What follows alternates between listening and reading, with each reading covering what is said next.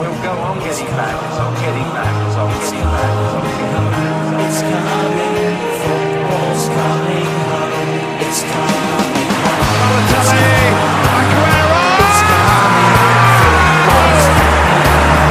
It's coming, it's coming, it's coming, football's coming De kerstdagen zijn verstreken en wij hebben toegekeken hoe COVID de Premier League heeft aangevallen. Iets wat nog nooit eerder was voorgevallen. Maar eh, all jokes aside, wij hopen dat jullie hele fijne feestdagen hebben gehad. Ik, Fabian, heet jullie van harte welkom vanuit mijn wintersportlocatie in het mooie Oostenrijk. Maar dit doe ik zoals altijd niet alleen, want dit kan ik niet alleen. Dus, Laurens, hoe is het eh, in Nederland? Hey, eh, ja, goedemorgen, middag, avond. Weet niet wanneer, wanneer mensen luisteren, Fabian. Ja, bij mij is alles prima. Ook uit de kerstdagen overleefd. Kilootje zwaarder. En eh, ja, we kunnen niet gaan sporten in Nederland. Dus ik ben wel jaloers dat jij op windsport ben en ik gewoon eh, in het koude Nederland. Ja, ik moet wel zeggen, ik moet nog een negatieve PCR-test doen. Dus ik heb nog niet echt kunnen wintersporten. Maar het is wel fijn om even in een andere omgeving te zijn. Dan heb je nog gewoon het idee dat je een beetje tussenuit bent. En ja, Precies. als je maar 1 kilo bent aangekomen, ik hoop dat het bij mij bij 1 kilo blijft. Maar ik, het zal me niks verbazen als het 3 of 4 is. Dus eh, ja, we hopen dat iedereen ook eh, lekker heeft gegeten en leuke cadeautjes heeft gekregen. En ja, we en, kijken... daar- en heeft genoten van de Boxing Day natuurlijk. ja, en laten we dat anders maar gelijk, gelijk erbij pakken. Maar ik denk eigenlijk wat, ja, wat ik eigenlijk net in mijn intro al noemde, wel het meest opvallend is aan deze maand in, in de Premier League. Want COVID, zoals dit onze hele samenleving heeft verwoest, eh dan merk je ook in, eh, in de Premier League dat er heel veel gevallen zijn van, eh, van COVID en dat heel veel wedstrijden zijn aangesteld. Mhm. Dus jij noemde het Boxing Day. Eigenlijk hadden er op die dag acht wedstrijden gespeeld moeten worden. Nou, dat werd uiteindelijk beperkt tot, tot vijf, als ik me niet vergis.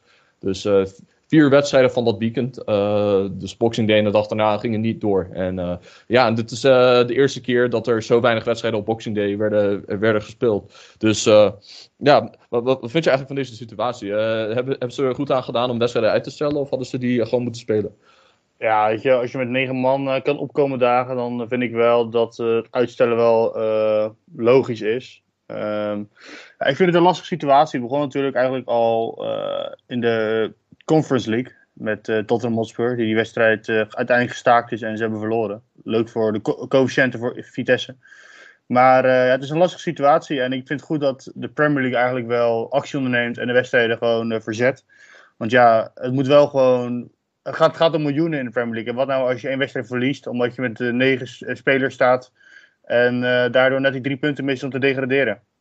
Ja, ja, het is natuurlijk een hele heftige situatie. En je kan er vrij weinig aan doen om het, ja, om, om het te corrigeren, behalve het eh, uit te stellen. Maar wa- wat ik er een beetje gek aan vind, is dat sommige ploegen eh, li- lijken te worden voorgetrokken. Dus bijvoorbeeld United en Spurs, die eh hoefden dan eh, drie wedstrijden achter elkaar niet te spelen. Maar dan Liverpool, die kampte met een, eh, hun ja, gehele basiself eh, op, op een middenveld. Die, die konden niet spelen. En dan ook eh, Van Dijk eh, kreeg ook COVID. Dus ehm, ja, dat was gewoon eh, hele belangrijke spelers die ze hadden. En zij mochten dan wedstrijden niet uitstellen.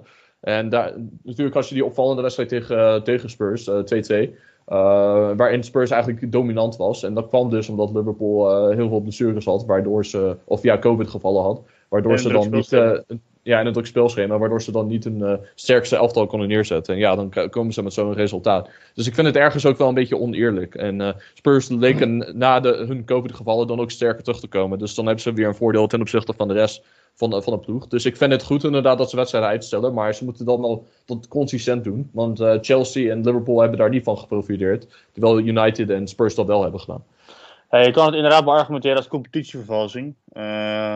Aangezien sommige teams dan meer rust hebben en natuurlijk de Premier League bekend staat om een hele drukke, drukke speelschema.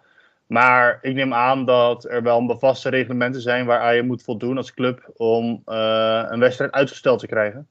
En ja, weet je, als Liverpool alleen drie, drie sterspelers in het middenveld eh, mist en Spurs bijvoorbeeld een hele bank en eh, vier spelers, dan snap ik wel dat, dat hun rust krijgen, weet je wel. Ja, het was natuurlijk ook omdat de technische staf van de Spurs, eh, die, die raakte ook besmet. Dus er, er waren heel veel mensen, eh, dus niet- buiten de spelers zelf, die, eh, die besmet raakten en het ook konden verspreiden. En toen moesten de hele trainingsfaciliteiten, eh, die moesten ook gewoon volledig gesloten worden. Dus Ja, maar ze hadden, niet, eh, ja, ze hadden het niet onder controle. Dus misschien is dat de, eh, de reden. Dat zij dan eh, kijken of een club dat onder controle heeft kunnen krijgen. Zo ja, dan eh, gaan de wedstrijden door. Zo nee, dan, eh, dan worden ze ge- geannuleerd.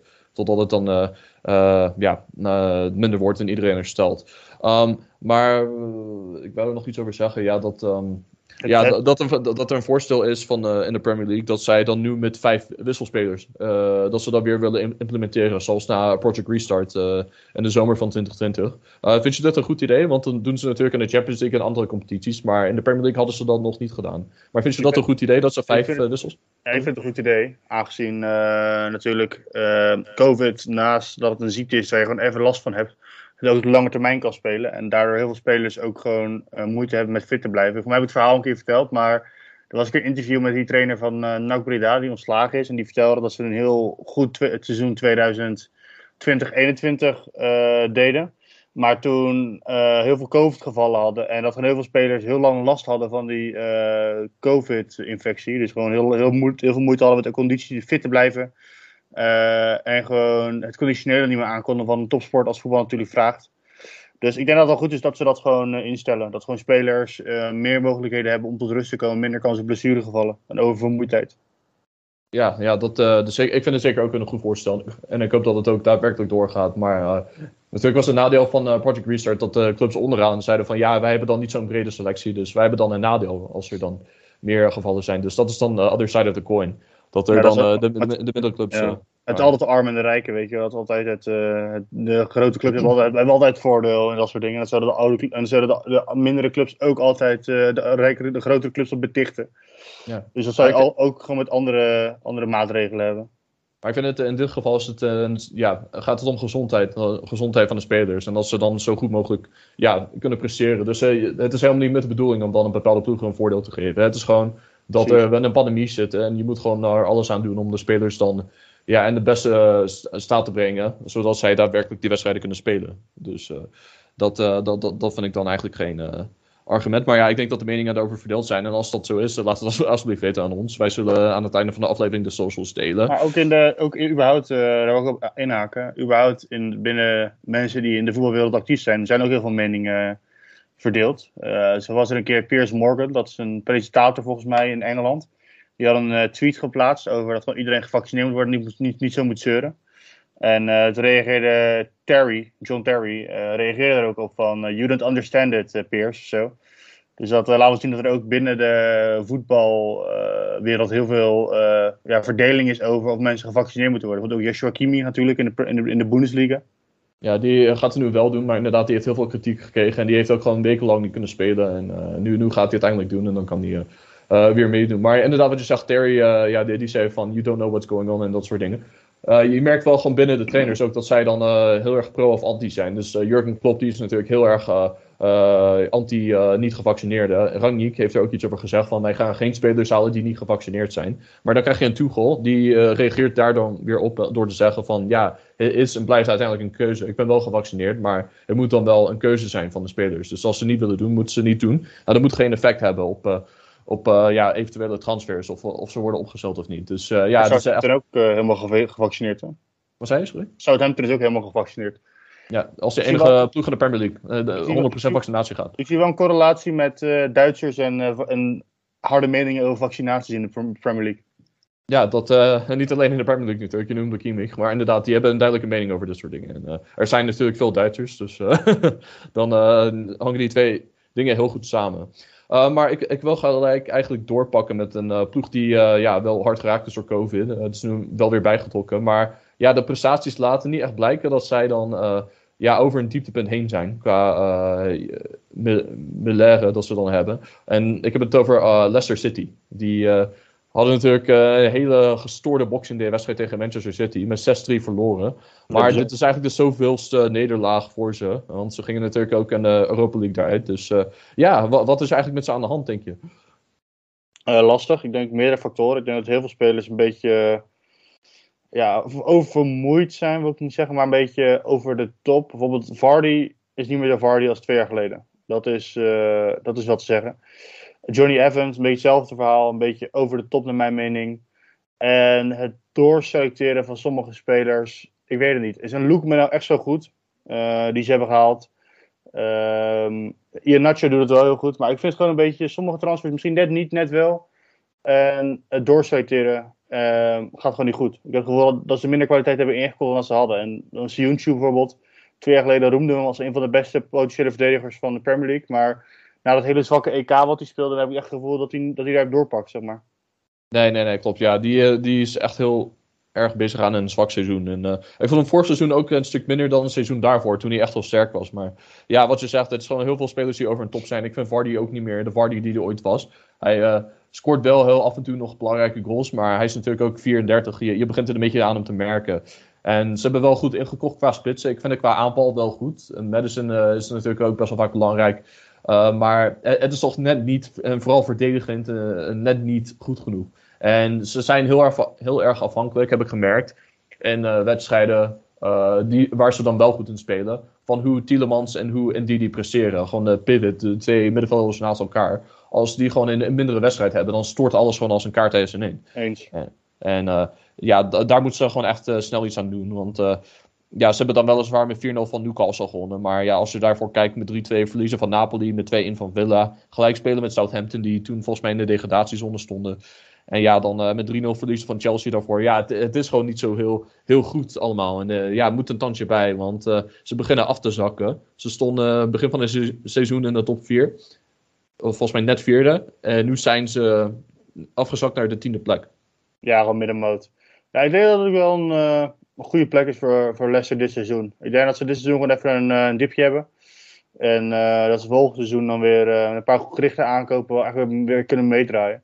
Het gaat ook, gaat ook golfbeweging in de, voetbalwereld. Ik dat Arsenal ook een paar seizoenen geleden gewoon heel erg uh, veel dieptepunten heeft gekend. En nu ook gewoon dit seizoen heel goed, heel goed speelt. Maar daar gaan we het zo meteen over hebben. Ja, ja, dat uh, komt natuurlijk later aan de bod. En uh, ik, uh, ik, keek even terug en, bij kijken van hoe, hoe, ze in de laatste wedstrijden gepasseerd hebben. Heb ik ook gekeken naar meer het begin van het seizoen. En ik zag dat, dat er een overwinning was van Brighton in september. En ik besefte ineens van, hé, hey, dat is de laatste keer dat Brighton een wedstrijd in de Premier League heeft gewonnen. Tot afgelopen weekend, toen ze met 2-0 van Brentford hadden gewonnen. Dus ja, uh, hun eerste overwinning in drie maanden. Wat, uh, wat, wat, heb je daarop te zeggen? We hadden het natuurlijk een tijdje erover dat ze niet konden winnen, maar wel goed speelden. Maar nu hebben ze eindelijk gewonnen. Dus wat, wat, wat, wil je erover zeggen, Laus? Nou, dat het laat zien dat als je een trainer lang laat zitten, ook in tijden dat het moeilijk gaat, zoals het nu gaat bij Brighton, het toch kan uitpakken in iets positiefs. Want ik heb het gevoel dat Brighton nog steeds heel sterk speelt. Leuke spelers heeft. en dit, nu komt het eindelijk uit en ik hoop dat ze erop verder kunnen borduren. Ja, en ik. Um, valt me op dat ze wel niet, niet zoveel tegendoelpunten incasseren. Dus het is echt gewoon puur aanvallend. Ik wil ze. Meestal als ze verliezen is het dan een 1-0 of een ja, 2-0, weet je. Het is niet echt dat ze er keihard vanaf gaan. Maar um, ja, ze winnen ook gewoon geen wedstrijden. Maar als, als je dan echt kijkt waar ze staan, ze staan één plek uh, boven Leicester op, uh, op de negende plek. Eigenlijk is dat gewoon nog steeds keurig. Maar ja. niet als je dan beseft van, zij hebben dan pas een eerste wedstrijd in drie maanden tijd gewonnen. Uh, dan denk je wel van, hmm, is, is, is er wel, uh, uh, gaan ze wel de juiste kant op? ja, maar het scoort denk ik voor mij in Brighton, als ik, ik ga even snel door die, door die wedstrijden heen, is gewoon echt het scorend vermogen. Want defensief staan ze sterk, weet je wel. Ze hebben gewoon een goede defensie, meestal maar één of twee tegendoelpunten. Soms een uitschieter dan tegen Manchester City dan. Maar één of twee tegendoelpunten is gewoon meestal de max wat ze tegenkrijgen. Maar het is gewoon echt het scorend vermogen, weet je. Als je naar de, naar de spelers kijkt die ze in de aanval hebben. Ja, weet je, het is uh, naar mijn mening daar gewoon echt te, ja, te, ja, te pover. En ik denk ze daar gewoon een, leuke, een goede spits halen. Dat het dan wel echt, uh, wel echt kan, kan, kan gaan werken bij Brighton. Want ja, als je Jurgen Locadia op de bank hebt zitten. No offense aan Jurgen Locadia. Maar dat is gewoon echt geen Premier League niveau. Nee, ik, uh, ik vind dat uh, een beetje een laagvlieger Eredivisie niveau. Maar we hebben het uh, al eerder een keer over hem gehad. Maar ja, goed, ik ben het met je eens. Een spits halen. En we zijn al bijna in januari, nog een paar dagen te gaan. Dus welke speler zouden ze moeten halen, denk ik? Nou, als ze echt een goede speler zouden willen halen, en geld heb ik weet niet hoe, het gaat. Maar bijvoorbeeld een Anthony Martial. Die is natuurlijk in het laatste seizoen bij, bij Manchester United. Is daar zijn zijspoorbrand. En als we die zouden kunnen halen, zou dat dan echt een hele grote stunt zijn. Ik weet niet, hoe, ik weet niet hoeveel ze daarvoor willen hebben, maar of huren. Maar het zou wel interessanter zijn om die te halen. Ja, ik, ik ben benieuwd of, of hij dan überhaupt dan kans zou krijgen om eh, om daar te spelen. Want ik denk, niet, eh, ik denk dat hij wel een speler is die dan ehm, ja, eh, wat hogere clubs, die ook echt Europees spelen, dan voor ogen heeft. Dus ik, ik ben benieuwd of Marshall dat zou accepteren. Maar ik vind dat wel zo'n soort naam moet je wel binnenhalen. Ik zat eh, trouwens ook aan Moussa Dembele van, eh, van Lyon. Eh, aan hem te denken, want die heeft wel ervaring in Europa. Lyon is ook niet helemaal. eh, eh, ja, ze zijn, staan best wel laag in de Franse competitie. Hij heeft volgens mij een aflopend contract. Hij zou niet zo duur zijn. Dus ik denk dat ze, dat ze met hem dan meteen een spits hebben die dan wel doelpunten kan, kan maken. En ervoor kan zorgen dat Brighton ook vaker wedstrijden winnen dan eens in de drie maanden. Dus inderdaad ook een hele interessante, hele interessante speler zou het zijn inderdaad. Maar je moet een beetje, naar mijn mening, een beetje kijken in die regionen, subtop Europa, eh, top Premier League en dan gewoon iemand die op de zijspoor is beland. ja, maar ja, je hebt bijvoorbeeld ook Arnautovic. Die speelt bij Bologna. Misschien is dat ook een interessante eh, optie om, eh, om te houden. Hij heeft Ja. ook in de Premier League gespeeld. Bijvoorbeeld. Dus, Zo- zo- maar gewoon, we zijn, we zijn het er allebei over eens dat het, dat het een spits moet zijn. Ja. Zijn ja, misschien is het ook wel goed om te kijken of de luisteraars dat ook vinden. Dus wij gaan iets delen op onze Instagram. Dan kunnen jullie dan stemmen daarop wie de nieuwe spits van Brighton moet worden. Wie ze in januari moeten halen. Oké, dan ehm, dacht ik omdat het natuurlijk een beetje een kerstthematische eh, aflevering is. Dat we dan ook door kunnen pakken met, eh, met een paar feitjes. Meestal hebben we met dit rubriekje dan een eh, feitjes over een oud Nederlandse speler in de Premier League. Maar eh, ik denk dat het beter is om nu te focussen op de kerst. Dus ik, ik had het even opgezocht en er stond dat het dus zo was dat dit eh aan Boxing Day was met de meeste ziek, ziektegevallen ooit in de geschiedenis van de Premier League. Niet geheel gek gezien COVID, maar, nee. maar ja, we hadden natuurlijk vorig jaar ook eh, last van COVID en eh, toen was het minder dan dit jaar. Dus dat laat ook wel zien van, hé, hey, dit is, zijn de tijden waarin we leven. Maar was, Ehm, het- was het ook niet dat al in Engeland heel die vaccinatiecampagne op orde was, die periode? En dat ze nu een beetje, een, om het even politiek te maken, dan nu een strategie in Engeland is van... Ja, weet je, mensen gaan ziek worden aan COVID, maar eh, ze kunnen zich vaccineren, dus alles blijft gewoon een beetje open. Ja, dat zou het misschien ook eh, kunnen zijn, dat er dan meer eh, contactmomenten zijn. En, en ik bedoel natuurlijk ziektegevallen onder de club zelf. Dus ja, dat heeft dan ook impact. Ik denk dat de spelers dan niet meer in een bubbel leven, zoals vorig seizoen. Precies. En dat dat ook een beetje impact heeft. Verder eh, was Harry Kane met zijn doelpunt tegen Crystal Palace. eh, is hij nu eindelijk de topscorer geworden op Boxing Day. Samen met Robbie Fowler. Met eh, negen doelpunten. Dus dat is wel een leuke statistiekje voor hem. In ieder geval iets dat hij kan zien als, als een prijs. maar dat ehm, is voor hem ja, hartstikke mooi. En ik, eh, ja, het is ook wel, laat ook wel zien dat het gewoon een topspits is. die dan helaas te maken heeft met het feit dat hij dan een club, bij een club speelt die zijn ambities niet kan waarmaken. Ehm, verder ehm, zijn het. eh ja, daarom zit te lachen, omdat hij weet dat ik een beetje biased reageer. Kleine sneer, inderdaad. ja. En verder, um, of als laatste wou ik zeggen dat dit eh, um, afgelopen Boxing Day. dat er de meeste doelpunten werden gescoord op de dag sinds 1963. Wat opvallend is, want dit waren de minst gespeelde wedstrijden ooit op Boxing Day in de PL-tijdperk. Dus de tijdperk sinds dat de Premier League tot stand kwam. Dus ja, wel opvallend, eh, die statistieken. Maar dat werd natuurlijk eh, veroorzaakt door, um, ja, door, door Arsenal die met 5-0 wonnen van Norwich en, eh en City die met 6-3 wonnen van, eh, van Leicester. Dan kom je al een heel eind met, eh, met zulke standen. En, en ja, West Ham, Southampton 3-2 voor Southampton was ook zo'n wedstrijd die dan waarin hele veel werd gescoord. Had ik nog niet verwacht dat Southampton die zou winnen. Het is ook weer zo'n opvallende uitslag. Ja, ja nee, inderdaad. Maar ik vind ook, we hadden het er eerder over van, ja, Hasenhoetel, die, die heeft gewoon een beetje eh in, in dipje. Maar je weet altijd dat, eh, dat het echte vechters zijn, die gewoon eh, ook veel druk zetten en gewoon fanatiek jagen. En dat zag je heel goed in deze wedstrijd, dat ze gewoon ook de overwinning over de streep trokken uit bij West Ham. Wat eigenlijk, denk ik, wel een beste prestatie is van dit seizoen. Dus kudos naar Ra- Ralf Hasenhoetel. Ik ben benieuwd of hij dan, inderdaad wat we ooit eerder zeiden, of hij dan een stap omhoog gaat maken in de Premier League. Dan wil ik ook, ja, het staat niet in het draaiboek, maar wat ik ook heel opvallend vind, ik pak even de stand erbij. Er staat eh, Norwich, Newcastle, Burnley. Ja, dat is logisch dat die in de degradatiezone staan. Dan Watford er net boven en Leeds daarboven. Maar wat vind je van Everton op 15e plek? Ja, we hadden het natuurlijk eh, over Benitez. eh, moet hij blijven? Moet hij weggaan? Maar ja, ik, ik vind als je, als je zo laag staat, er, er moet echt gewoon een, een wisseling komen. Een wisseling van de wacht. Dus ik, ik zou Benitez... Wat zei je? Ernie Brand, die, die, weet je ook weer, die Marcel, Marcel Brands. Ja. ja, die is Brands, inderdaad, technisch directeur. En dan hebben ze ehm, ja, Benitez gehaald. Dus ze gaan hem denk ik nog januari geven om te kijken of hij spelers binnen kan halen die het nog eh, Nou. recht kunnen trekken. Maar ik, ik, ik zou eigenlijk eh, liever dan iemand anders aanstellen als trainer dan hem dan die, eh, die transfers laten doen. Want Ja, ik, ik las op, Reddit dat vandaag. het geval is. Ja. Nee, precies. Ik las op Reddit vandaag dat Lucas Digne weggaat bij Everton. Want die heeft ruzie met Benitez. Ja. Dus ja, die, die gaat nu waarschijnlijk verhuurd worden met een optie tot koop aan Arsenal, Chelsea of Napoli. Die hebben interesse in hem. En Ja, ik denk Chelsea. Ja, en dat is gewoon een van de beste spelers, een van de beste linksbacks van, eh, van Europa, naar mijn mening. Dat is echt goud in handen. Die gaan ze dan voor waarschijnlijk een schijntje weg doen, omdat hij ruzie heeft met Benitez. Dus ja, weet je, hij is, hij is ook geen people manager en je gaat gewoon je, je beste speler verliezen. Ja, nou ja, hij had natuurlijk ook een probleem met. eh gaan eh, nee, eh Benitez had problemen met Ronaldo bij Real Madrid. Die heeft ook wel een beetje een geschiedenis erbij. Volgens mij ook bij Napoli had hij problemen met Insigne. Het, is ook gewoon een beetje een trainer die niet, niet meer iedereen klikt. En dan zie je dan zo iemand als Digne, waarvan je denkt van hé, hey, een goede speler, consistent. Ja, dat matcht gewoon niet samen. En dan hebben ze ruzie en dan is het zo van ja, ga maar een andere club zoeken. Maar inderdaad, je noemde Chelsea. Ben Chilwell is weggevallen. Die is, lijkt volgens mij op de terugweg, maar het is nog niet helemaal. Het is nog een beetje onzeker. Dus ik geloof dat Chelsea Digne willen binnenhalen. En ook eh, met de, inderdaad de eh, huur tot, met de optie tot koop. Dat ze kunnen kijken of hij dan past. En dan gaat hij concurreren met eh, Chilwell als Marcus Alonso van de zomer weggaat. Dus wat, wat vind je daarvan? slimme- Het zou een hele slimme transfer zijn voor Chelsea. Zeker als ze hem gaan huren met een optie te koop.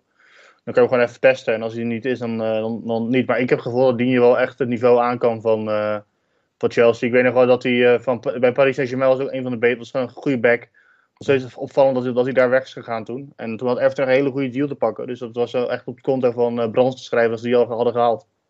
En ik, eh, om even door te pakken met eh, Everton. eh Digne gaat weg, maar Everton hebben al een opvolger gevonden. En dat is Mikolenko, Oekraïense linksback van, ik geloof, Dynamo Kiev. Ja, En eh, ja. die, gaat hem dan, eh, die gaat hem dan opvolgen. Hij speelde op de EK ook tegen Nederland, dus eh, ik ken hem wel qua, qua naam. Maar laten we anders gewoon gelijk de transfermolen erbij pakken. Want eh, we zijn bijna in januari, dan gaat de transfermarkt weer open. En er, staan, er zijn een aantal spelers die dan eh, ja, eigenlijk weg lijken te gaan. En eh een daarvan noemde je al, Digne. Maar we hadden natuurlijk Martial, die wordt in... eh, verband gebracht met eh, een overstap naar Sevilla. Eh, alleen het enige probleem is dan salaris. Dat ze zijn salaris niet kunnen betalen. Maar daar wil hij ook heen. Dus ja, ik, de- het is ook niet de enige speler. Cavani wil ook weg bij United. Die heeft natuurlijk laatst gescoord. Maar hij zoekt ook naar een uitweg. En, en Donny van de Beek. Dus ja, wat gaat er allemaal gebeuren, denk ik. Ja, ik zit nu even te kijken. Arsenal bijvoorbeeld, Dusan Vlahovic is gelinkt. Ja, las ik zou ook inderdaad. Maar dat, dat is zou ook een een- hele, dat zou een hele interessante zijn. Als we die Ja, zouden kunnen halen, dan, eh, dan denk ik dat Arsenal echt wel echt op de weg terug is. Naar, eh, naar top. Ehm, ja, Aston Villa. Ik denk dat Makamba, ja, David Luiz, die hebben echt een box-to-box middenvelder nodig. Dus ik denk dat, dat die wel een beetje gaan kijken daarop. Ehm, ja, Brighton, nog steeds een spits waar we het over hebben. Dus ik ben benieuwd eh, wie, ze gaan, wie ze gaan proberen te halen. Ja, ik denk Dembele inderdaad of Arnautovic. Een van die twee. Ja, ehm, ook benieuwd wat ze bij Chelsea gaan doen. En natuurlijk eh, Antonio Rudiger nog steeds eh, unsigned. En eh, Thiago Silva ook niet in staat iedere week te spelen. Dus Ja. ze moeten één van die twee doen. Nicolas Soele, al las ik dat ze daar interesse in hebben. Mhm. nog, nog meer Duitsers bij Chelsea. Dat is wel heel, heel opvallend. Ehm, gaan we verder. Everton. Ik heb hem hier. Ik zit, even, ik zit er gewoon op een website te kijken, weet je. Op een, op een website te kijken. Dus ehm, ja, Lucas Digne gaat weg. En eh, ja, wat zei die Mikolenko willen ze dan halen. Leeds natuurlijk die injury crisis die ze er hebben. Dus ik ben benieuwd of Bielsa nog een speler gaat halen.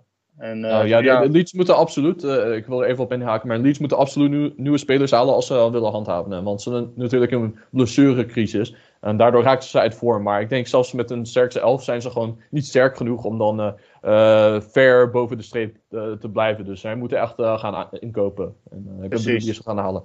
ja, bij, City, bij Leicester zit natuurlijk Van Vaal die het hele seizoen gaat missen. Johnny Evans, die natuurlijk niet heel erg in vorm is. Ik hoorde dat ze Joe Gomez willen gaan halen van Liverpool. Ja, oh, dat zou ik een goede vinden. En dat is ook een goede stap voor Joe Gomez. Die komt natuurlijk door Konate, Van Dijk en Matip komt hij niet echt aan het spelen toe. Dus ik zou dat een hele goede overstap vinden van hem. Ja, en bij Liverpool. Liverpool gaat denk ik heel spelers verkopen. Karius, die gaat waarschijnlijk weg. Ned Phillips, Gomez, Ja. Minamino en Origi. Allemaal op de lijst om misschien weg Ja? te gaan. Denk je dat Origi weggaat? Want eh, je hebt natuurlijk de Afrika Cup. Eh, d- dat hadden we trouwens ook niet op de draaiboek gezet. Maar eh, ja, Afrika Cup gaat volgende maand beginnen. En dan eh, zijn Mane en eh, Salah zijn dan weg. Dus dan zou Origi meer speelminuten krijgen. Ik ben benieuwd Ja. of hij weggaat. Hoor. Ja, dat zou zeker zijn. eh. en misschien, misschien haalt Liverpool wel zo'n eh eentje speler van, eh, de, van de Red Bulls. Dat Oh, ja. zal me niks eh, verbazen. Eh, ja, ik ben benieuwd of City al wat gaat doen. Wat denk jij?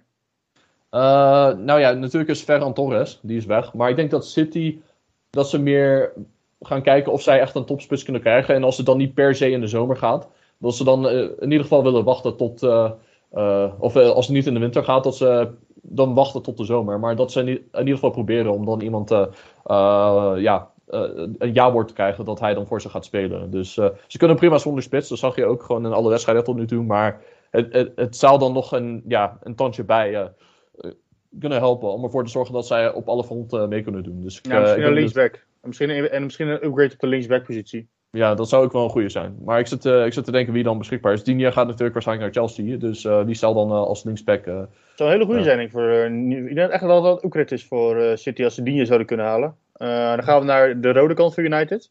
Ja, Mhm. Cavani natuurlijk eh, misschien weggaat. Eh, Martial. Van de Beek, hebben we al gezegd. Dean Henderson misschien naar Ajax als huur.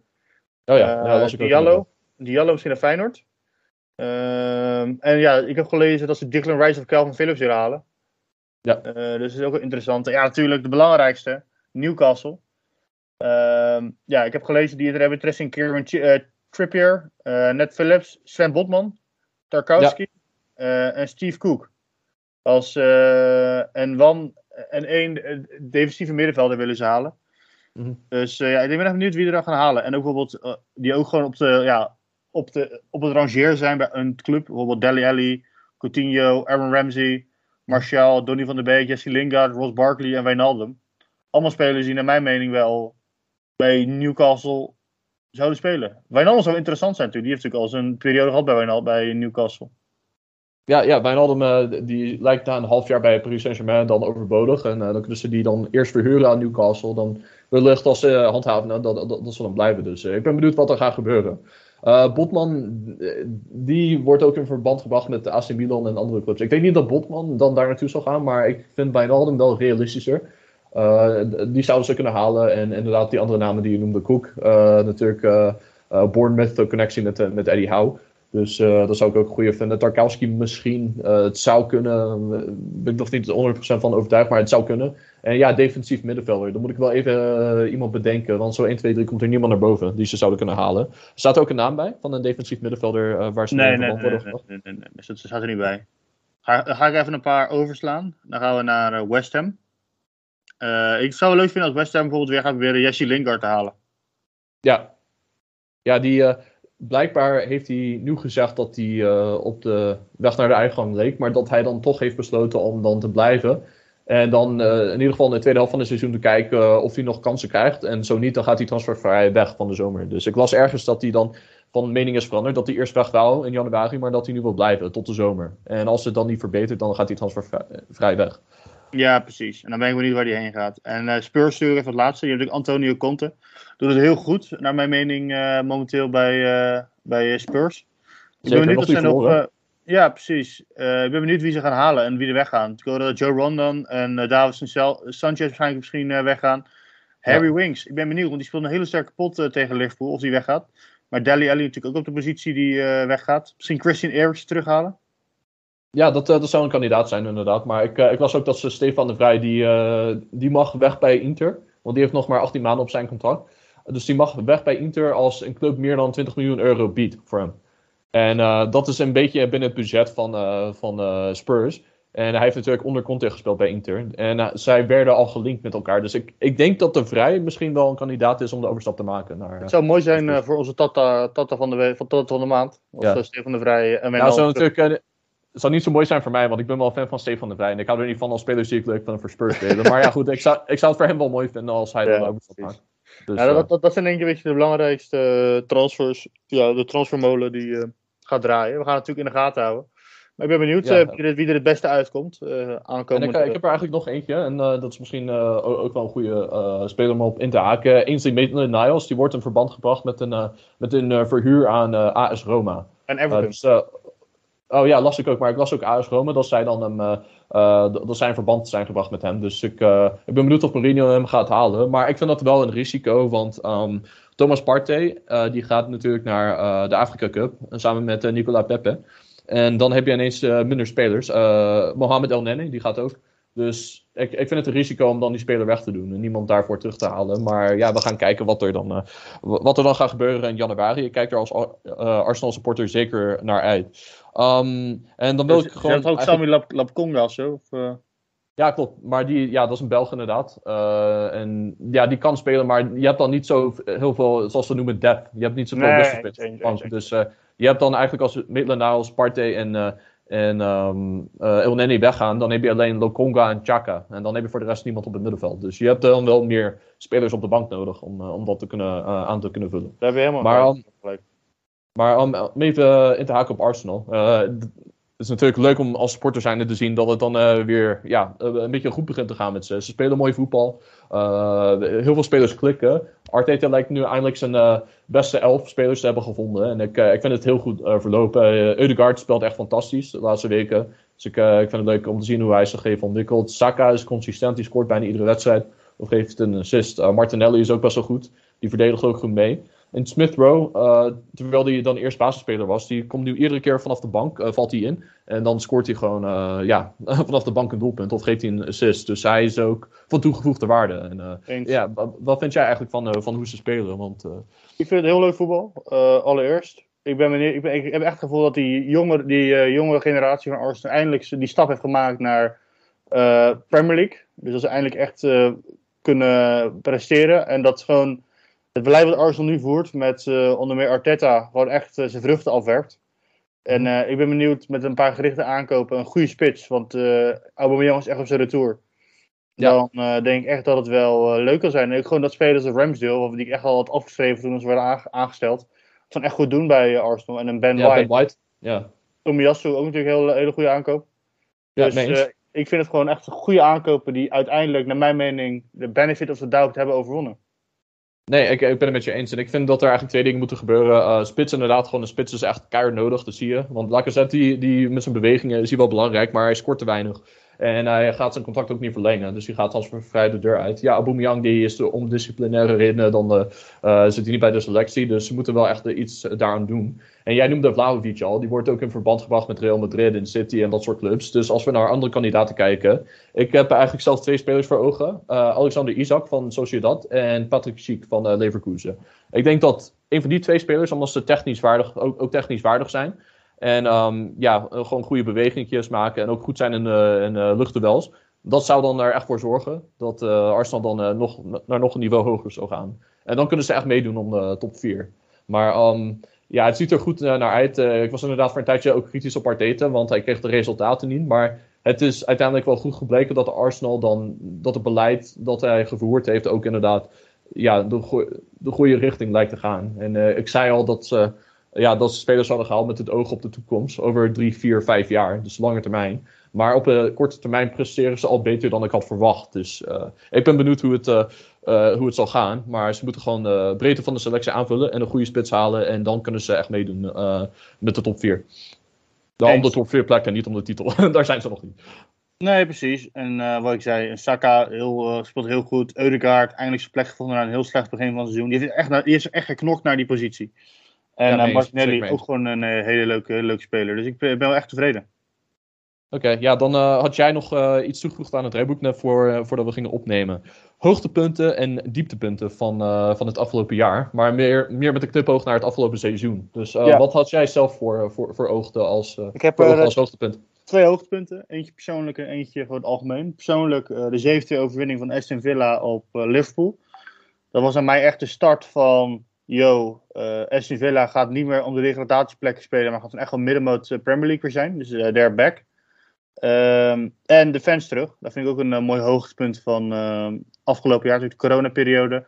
En gewoon dat die volle stadions, het geeft gewoon extra elan aan de Premier League. Weet je, zo'n zo'n leeg stadion voetballen, we zien het nu weer in de Eredivisie. Het is gewoon echt verschrikkelijk. En ehm, als dieptepunt eh, de Super League. Waar eh, teams zeiden dat ze een aparte competitie wilden, omdat ze hun eigen competitie niet uitdagend vonden. Gelukkig zijn alle Engelse clubs daarvan afgestapt. En alleen nog eh, wat Spaanse en Italiaanse clubs eh, die, die geld eh, belangrijker vinden dan, dan, dan, dan prestige. Dus, dus dat. Ja, ik vind zelf als hoogtepunt eigenlijk dat, eh persoonlijke hoogtepunt, dat, dat het nu beter gaat bij Arsenal. Dat ik eigenlijk een beetje de visie begin te zien. En dat het de goede kant op lijkt te gaan. Maar over het algemeen met, de, met het oog op de competitie, vind ik het leuker dat er meer clubs zijn die dan meedoen met top 4 plekken. Dus het is niet de hele tijd, ja, je hebt alleen United, City, Chelsea, eh, ehm, Liverpool. Weet je, je hebt nu ook. eh, het, is- het is inderdaad echt spannend. West Ham is erbij gekomen, want die zijn gewoon eh, de afgelopen twee seizoenen consistent sterk. Eh, Leicester die zijn nu wel een beetje teruggezakt, maar die vechten natuurlijk ook altijd. Arsenal en Spurs zijn beter dan afgelopen seizoen. Dus het, ja, het lijkt heel spannend en heel, kwalitatief goed te worden. En dat vind ik dan een hoogtepunt. En ja, dieptepunt, ik zou dan niet zeggen het, ja, de Super League. Maar een dieptepunt vind ik meer aan, ja, eigenlijk een overvol s- speelschema. Dus dat ze dan wedstrijden moeten uitstellen en dan... eh, dat sommige clubs dan een voordeel hebben ten opzichte van eh, de clubs die dan geen coronagevallen hebben gehad. Want nu, doordat ze al die wedstrijden moeten inhalen, eh, worden de speelschema's van andere clubs dan ook weer aangetast. En dat zijn ook clubs die dan die rust die Spurs en United hebben gehad, niet hebben gehad. Dus die zijn dan helemaal uitgeblust tegen het einde van het seizoen. Dus dat vind ik een dieptepunt dat deze situatie is ontstaan. En, Ja, ik denk dat, de logistiek manager van de Premier League het wel lastig heeft, inderdaad.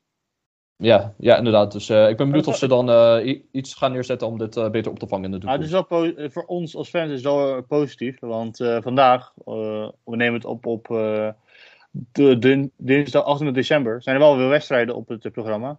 Dus ik ga lekker vanmiddag Pre- Premier League kijken. En vanavond Ja? Leicester City Liverpool vanavond op, op het programma. Dat is wel een leuke pot. Nou, zeker weten. En ik ga er zeker naar kijken. Maar eh, ja, zelf wel als Arsenal-fan uh, baal ik dat eh, Arsenal-Wolverhampton dat die is uitgesteld. Maar goed, dat is, dus die pas de eerste wedstrijd dit seizoen van Arsenal die wordt uitgesteld. Dus ik, eh, ik vind het ook niet heel erg dat het dan één wedstrijd is. Maar ja, Nee. ik had ze graag willen zien spelen. Dus eh, we gaan hem meemaken. Oké, nou ja, ik denk dat dat het, eh, dat het was, Laurens. Eh, wil jij even de socials eh, benoemen?